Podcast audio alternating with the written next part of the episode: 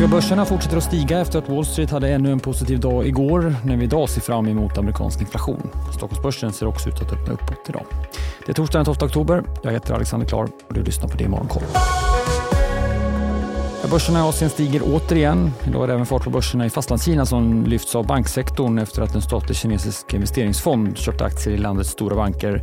Det rapporteras vara första gången sedan 2015 och det tas nog som en signal om att myndigheterna bestämt sig för att stötta marknaden.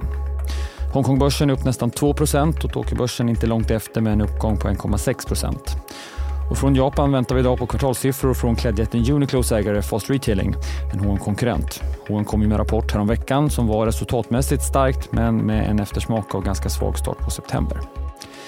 Wall Street stängde återigen upp igår. Nasdaq var något bättre än S&P 500 och steg 0,7 vi fick Fed Minutes, alltså protokollet från den amerikanska centralbankens senaste möte då man lämnade räntan oförändrad.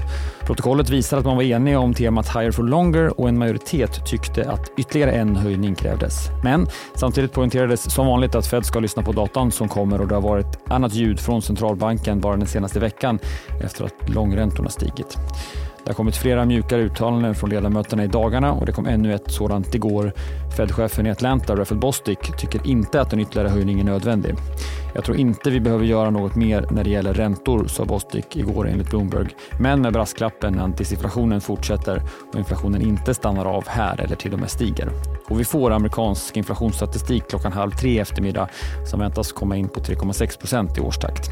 Igår fick vi ju något starkare PPI-siffror än väntat.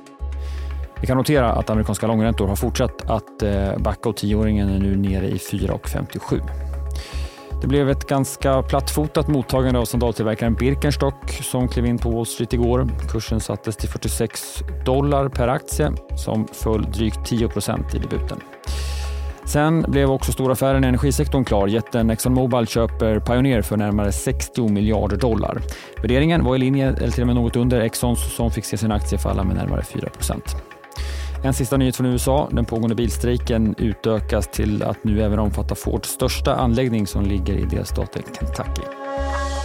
Sverige så. Ericsson tar en goodwill-nedskrivning på hela 32 miljarder kronor efter köpet av Vonage. Bolaget menar att det görs efter den allmänna nedgången i börsvärde bland noterade referensbolag.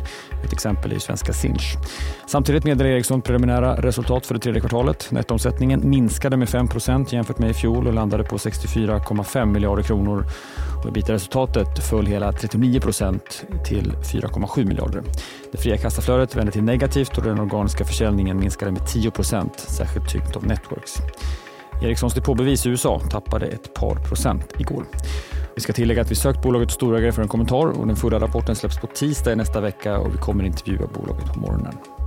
Vi får en rapport om en liten stund. Fastighetsbolaget Atrium Ljungberg är först ut i sin sektor. Förvaltningsresultatet väntas komma in på 320 miljoner kronor och i så fall en knappt 10% i ökning jämfört med i fjol medan hyresintäkterna landar på drygt 700 miljoner kronor. Även investmentbolaget Creades rapporterar och där vet vi att bolagets absolut största innehav Avanza har fortsatt att pressas på börsen. Båda vdarna intervjuas i DTV under morgonen. Varslen ökar i Sverige. Under september varslades drygt 6 500 personer. Det är en ökning från 2 000 samma månad för ett år sedan. Ny statistik från Arbetsförmedlingen visar att 332 000 personer eller 6,4 procent var inskrivna som arbetslösa i september, marginellt fler än vad vi såg i augusti. Myndigheten skriver i en kommentar att arbetslösheten har ökat de senaste månaderna samtidigt som varslen också ökat och antalet nya lediga jobb har minskat. Därför avslutar vi i Morgonkoll som är tillbaka igen i morgon bitti. Missa inte Börsmorgon med start kvart i nio eller lyssna på programmet som podd senare idag. På återhörande. Jag heter Alexander Klar.